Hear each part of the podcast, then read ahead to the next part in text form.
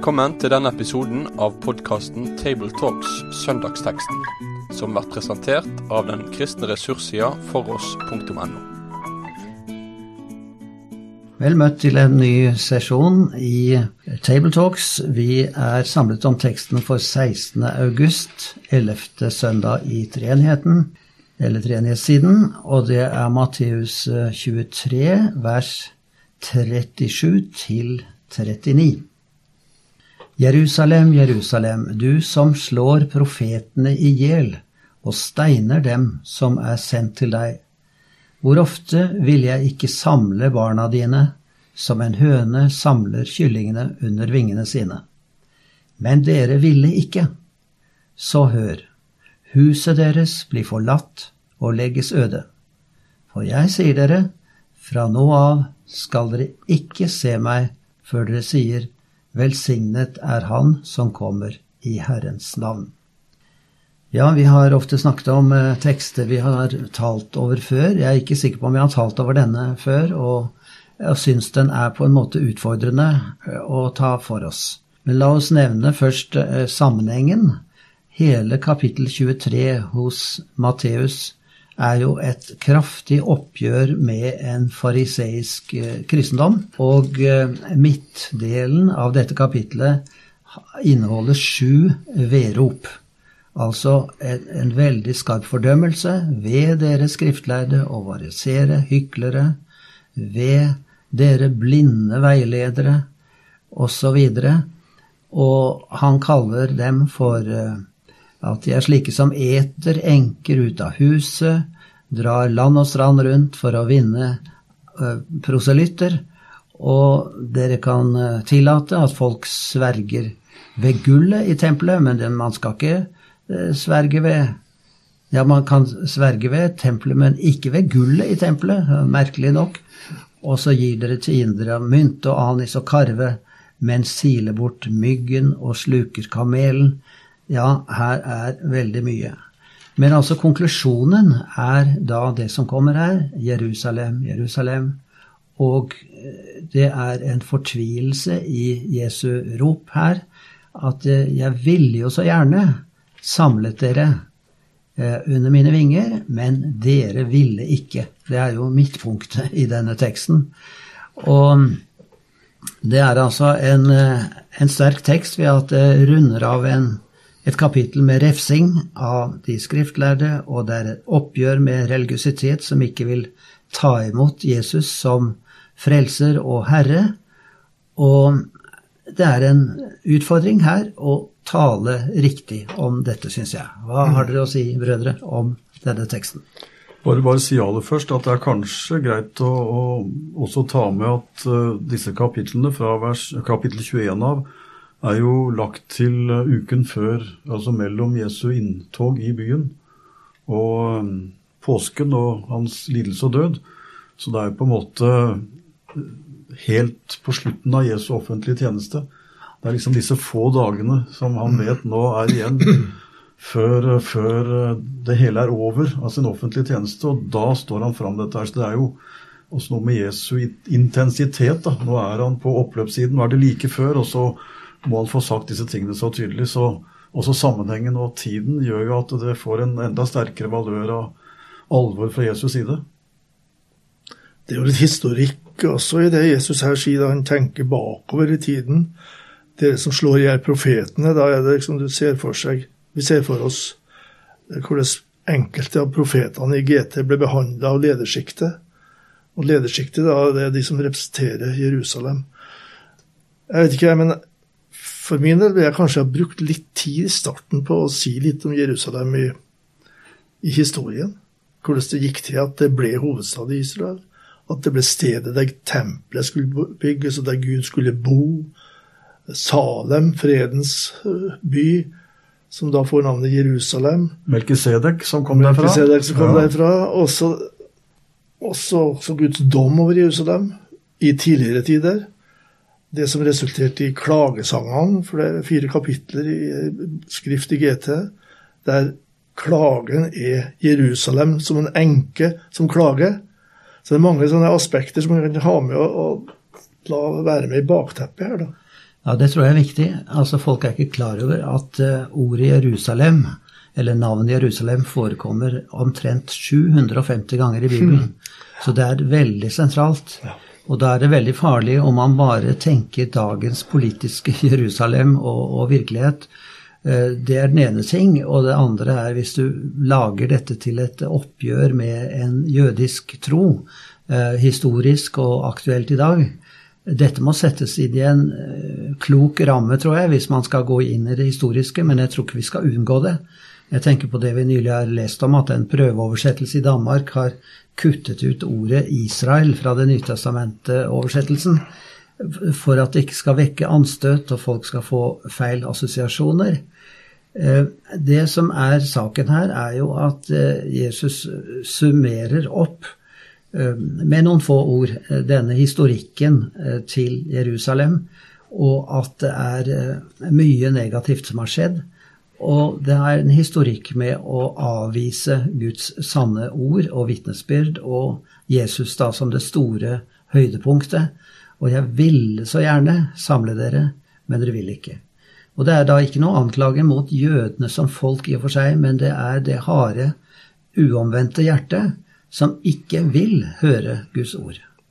Ehm, men hvordan vil dere preke over dette, brødre? Det syns jeg er en utfordring.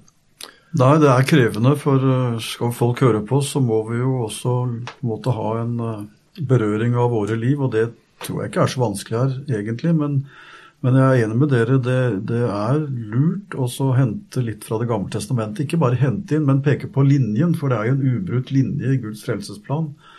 Og Jerusalem ble jo under David stedet hvor paktens ark ble satt, eh, som er symbolet på Herrens nærhet til folket. Og Salomo bygde så tempel i Jerusalem, og da er det byen som, hvor Herrens nærvær er i folket, sånn at Jerusalem får jo med det en status som eh, den plassen hvor Herren er i sitt folk. Og så er jo Jerusalems rolle ut fra det blitt nettopp navnet på den byen hvor, hvor Guds folk samles. Og Jerusalems døtre er barn av det folket som Herren ønsker å være nær hos. Og når Jesus dør og oppstår, så er tempelets rolle avlyst og ferdig.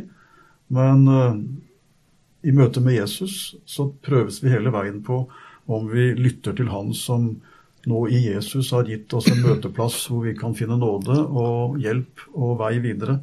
Så Derfor blir det veldig galt tenker jeg, å la dette være et opprør med jødedommen eller fariseerne i begrenset forstand. Dette er Guds folk, både den gamle og nye pakt, som hele veien må lytte til Jesu ord om at vi kan komme i en situasjon hvor han må kalle oss til rette. Jeg har nettopp lest den nye verdenshistorien, Silkeveiene. Ja. Der liksom passerspissen er plassert i Midtøsten, da, Vurderer historiens, historiens utvikling derifra. Og da spiller jo naturligvis Jerusalem en rolle. Og korstoga, f.eks. Det er altså så grusomt å tenke på hvordan eh, det foregikk. Og hvor antisemittismen slo gjennom på nytt og på nytt. Og det ser ikke ut til at Den kristne kirke den gangen og ledersjiktet tenkte over at Jesus var jøde, Paulus var jøde, alle de tolv var jøder. Og de første kristne var kristenflokken i Jerusalem. De hellige i Jerusalem, sier Paulus til, til makedonerne. Så det å knytte kritikken av Israel opp mot at de eh, forkasta Jesus og osv., det er veldig misvisende og veldig farlig. Så det er ikke dumt kanskje å ha et lite sideblikk til dette her når en skal preke hvor en tekst der nettopp Jerusalem og tempelets ødeleggelse er tema.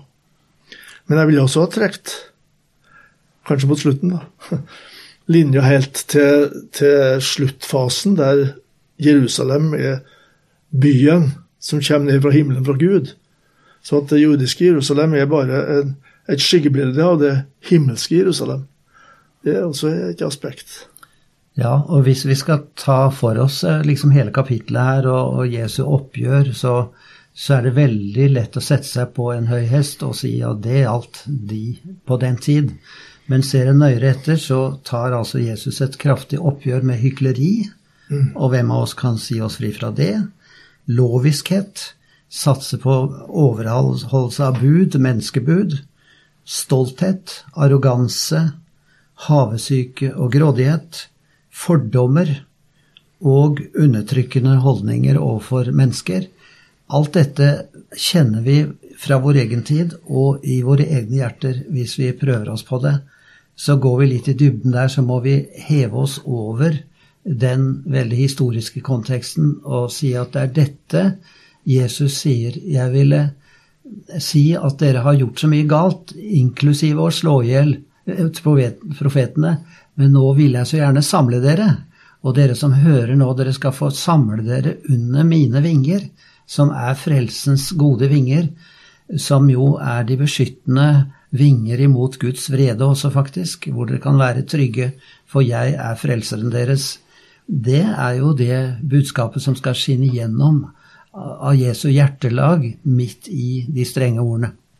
Ja, og Dette er jo dypest sett budskapet både den gamle og nye pakt. Den gamle pakt, og der er jo Israel det lærer jo Paulus oss, er jo et forbilde på den kristne kirke. Det som skjer med dem både i ørkenvandringen og, og ofringen i gudstjenesten, som er forbilder på Jesu eget offer, og profeten som taler om frelsen som skal komme, og, og kaller folk til omvendelse. Det er hele veien en Gud som, som dømmer, men som også kaller til omvendelse. Og Det gjorde han med israelsfolket, og det gjør han også med den kristne kirke. Og så er det jo en dobbelt her, tenker jeg, for det er, det er, først og fremst et ord som vi skal forkynne til troens folk i dag. At vi kan komme i en posisjon hvor han forlater oss, han som ønsker å samle oss. Men akkurat som Israel fortsatt har et løfte om frelse, romerne 11, en gang, han har ikke glemt sitt folk, så har Gud også et løfte til den kristne kirke at om vi omvender oss, ja, så, så er Gud en nådig Gud, sånn som han var med Israels folk i det gamle pakt, og vil eh, la oss få komme inn under hans vinger igjen. Men nå er situasjonen så alvorlig, sier han til Israels folk, at uh, nå vil eh, byen bli forlatt. Så det er et veldig alvor her, men det er på en måte både alvoret og omvendelsens mulighet som hele tiden ligger her. Og som vi må, vi må ikke la det ene overskygge det andre. Så et tema er jo rett og slett å snakke om nådetiden. At Gud kaller ikke alltid, men han er nær til, en, til, spesielle tider. Nå er nådens tid, i dag er Gud å finne. Og det er jo det han viste her. Men ellers så er jeg fascinert av også dette med at det, det har vært en tradisjon for å slå i hjel profeter og steine dem som er sendt. Altså det at vi får motgang fra Eh, religiøse mennesker også, og at eh, folk lager seg ideologier som gjør at eh, troens folk blir forfulgt, det vil gjenta seg gjennom historikken. Jeg leste nylig en litt gripende beretning om Martin Niemøller, som jo var kjempet for den bekjennende kirke i Tyskland mot den nazifiserte teologien. Og han ble arrestert, naturligvis, av Hitler, og ikke særlig velsett. Og så var det noen som eh, kom til eh, hans foreldre og sa er det ikke leit at din sønn nå sitter i Sachsenhausen, og vi vet jo ikke om han overlever det. Det må da være forferdelig. Så svarte foreldrene så fint at eh, det ville være fælt å ha en sønn som hadde sviktet og hadde gått veien utenom å bli en martyr, men at han virkelig våget å stå opp for den sanne kristne tro mot en tro som var ideologisert på falsk grunnlag, det ville vært mye verre uh, om vi skulle ha en sønn som sviktet, enn en som var villig til å bli martyr for sannhetens sak. Og det er jo den holdningen vi ofte har sett hos profetene, og vi må la oss inspirere av dem til å, å bli stående for, med det sanne bibelske vitnesbyrd i en ny tid. Og dette er også ting som kaster skal vi si, et eh, lys fra nye sider inn over denne teksten. Jeg kom på fra min første tid da, som predikant. Det var i studietida. Så var jeg plassert av misjonen på Sørlandet. Jeg har jo aldri preika nesten før, da. Men måtte vi i gang, da.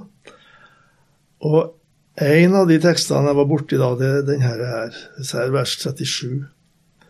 Men da var det en sang som ble liksom grunntonen, eller, eller den røde tråd, som ble veldig personlig. Å, du fredløse, sorgtyngde sjel, og venn om. Altså en innbydelsessang, en omvendelsessang. Og så står det i et av versene Han som gret da han så over Jerusalem, skal han nå måtte gråte igjen.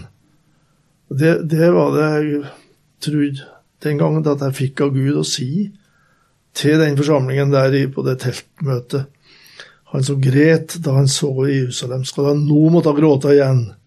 Og Da blir det veldig nærgående, og det er en oppgave for oss predikanter å både la dette kallet bli tett på, men også tryggheten, da, at når vi kommer til Jesus, så er det som Lina Sandell sier, altså bred dina vida vinger og Jesus over meg. Den barnesang som hun har der, som er fantastisk. Ja.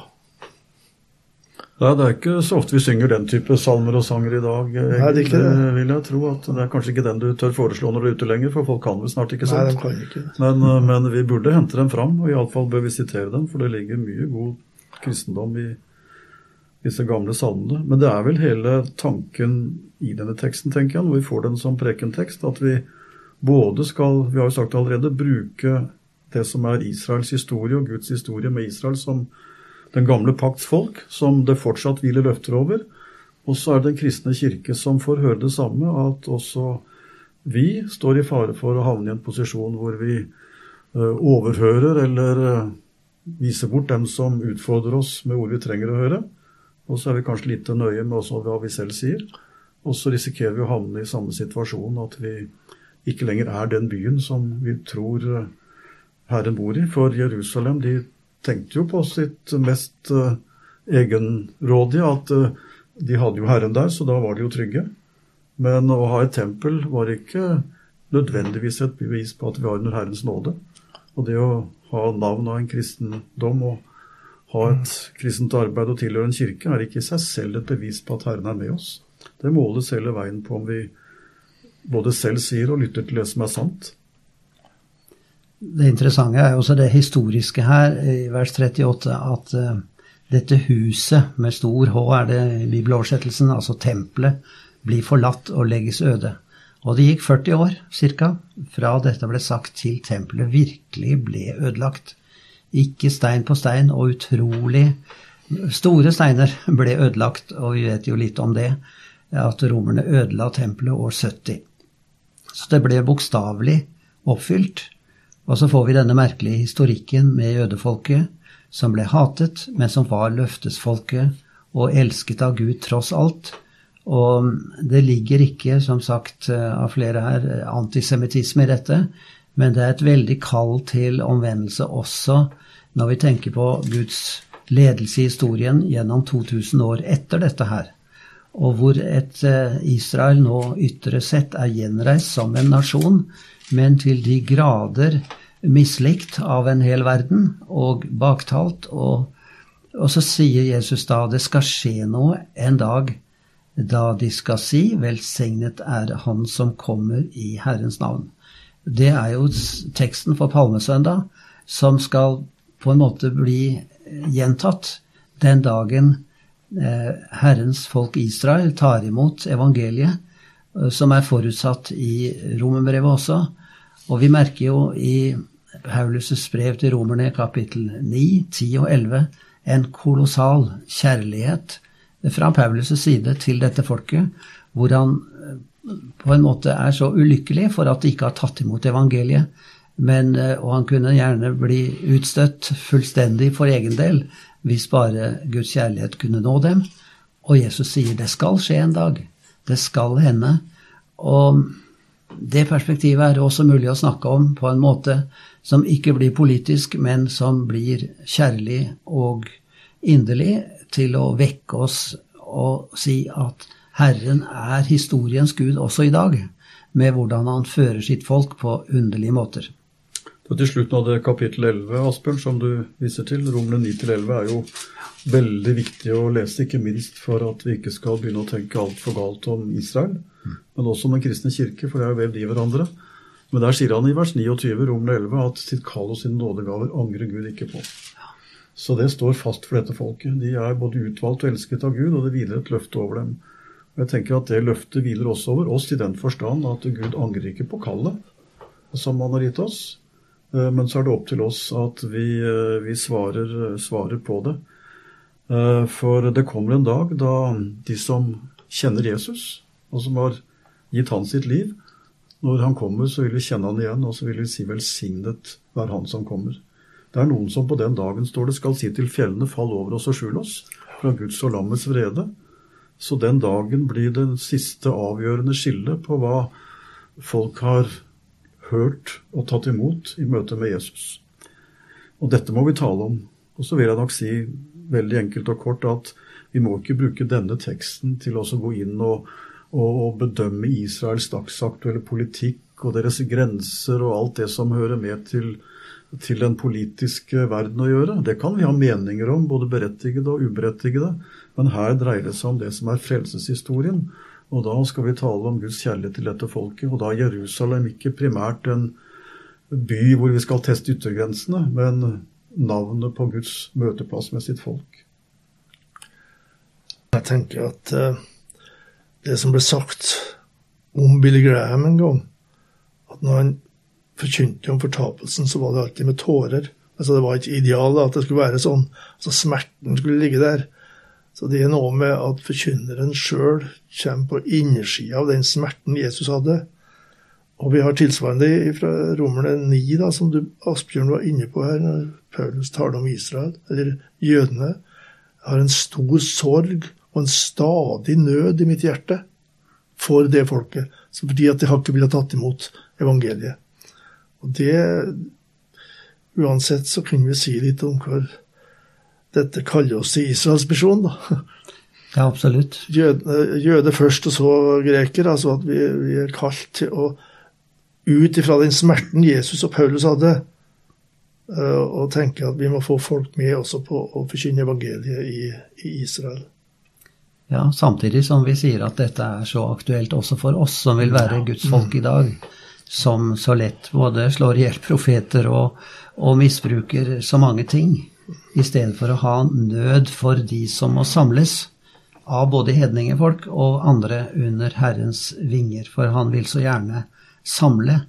Mm. Jeg måtte slå opp et sted hvor det er amerikanske prekener som er gjengitt over denne teksten. Og da tok de hele kapittel 23, eh, nesten alle tekstene, og snakket om masker og ekthet og sannhet og hykleri, og ble på det planet, men alle hoppet over det, disse siste versene som vi har for oss nå. Mm. For det er jo de som setter et veldig krevende skille mellom å være aktuell i vår tid og samtidig gjøre det aktuelt for oss, så vi ikke skyver problemet over på en folkegruppe eller mm. gjør det politisk. Så mm, her er en utfordrende å preke, og jeg ville lagt vekt på dette med en nådetid. Og legge vekt på historikken, hvordan eh, Jesus kom, eller Gud talte gjennom sitt tempel, gjennom en by, gjennom et folk som ikke ville ta imot. Så sendte han Jesus som det store høydepunktet, som frelser. Og der står vi. Er vi en som bare slår i hjel røstene, eller er vi så små at vi ser oss som kyllinger som vil samle oss under Jesu vinger? Det, det budskapet der må fram, syns jeg. Vi må ha en invitasjon til folk eh, som samsvarer med den invitasjonen Jesus hadde gitt Jerusalem mange ganger. Hvor ofte vil jeg samle dine barn? Og så kommer den smerten. Dere ville ikke og, og leve litt i den spenningen når vi preiker. sånn at forsamlingen og de som hører på oss, kanskje også via radio eller hvor det er, kan merke at her er det et alvor som jeg stilles overfor. Skal jeg være blant dem som ikke ville? Eh, når det nå er nådetid, og jeg har muligheten til å, til å ta imot evangeliet. da. Uh, en av de misjonssalmene som uh, fortsatt synges, Egil, mer enn den du nevnte i stad. For den uh, tror jeg kanskje ikke bruker så mye. Men det er jo heldigvis Reichelt sin salme 'Din rikssak Jesus være skal'. Og et av ordene der som jeg bruker en del når jeg preker, det er 'lær meg å skue med ditt blikk'. Mm. Og jeg har blitt mer og mer slått av at å be sånn, det skulle jeg gjøre enda mye mer enn jeg gjør. Nå ber jo Reichelt om det med tanke på å se hedningenes millioner. Og sånn, men jeg tenker uansett så er det viktig at jeg kan lære å se med Jesu øyne. Og ikke minst når jeg møter den teksten her. For han, han ser jo byen som han elsker, folket som Gud har elsket, folket som har utvalgt. Og Jesu blikk ser også inn i framtiden et folk som kommer til å svikte. Jesus har det for sitt øye. Og jeg tenker at Hvis jeg som forkynner, men også som en ganske alminnelig kristen, kunne leve Jesus såpass tett på at jeg av og til kunne se den veien han ser, og se med hans blikk, da, da vil jeg kunne se Israels folk, jødene, med det blikket han så dem, elsket og utvalgt. Masse feil, mye galt, men fortsatt elsket. Og det samme og utvalgt, og det samme med Den kristne kirke. Og til og med meg selv, som en av dem som som han elsker. Så det er jo en god bønn å, å be, tenker jeg også, for at vi skal preke der. Ja, og når vi har det blikket, så får vi også hans ømme frelseskinn. Gi meg ditt ømme frelseskinn for slektens og sorg og harm, ja. Gi meg del i dine smerter inn. Eh, Lukk meg i dine smerter inn. Lukk meg i dine smerter inn, ja. Det er perspektiv, det. Da må jeg få takke for samtalen. Jeg glemte å presentere oss. da Egil Sjåstad og Svein Granerud og Asbjørn Kvalbein. Så takk for oss, og lykke til dere som skal forkynne over denne teksten. Med det sier vi takk for følget for denne gang. Finn flere ressurser, og vær gjerne med å støtte oss på foross.no.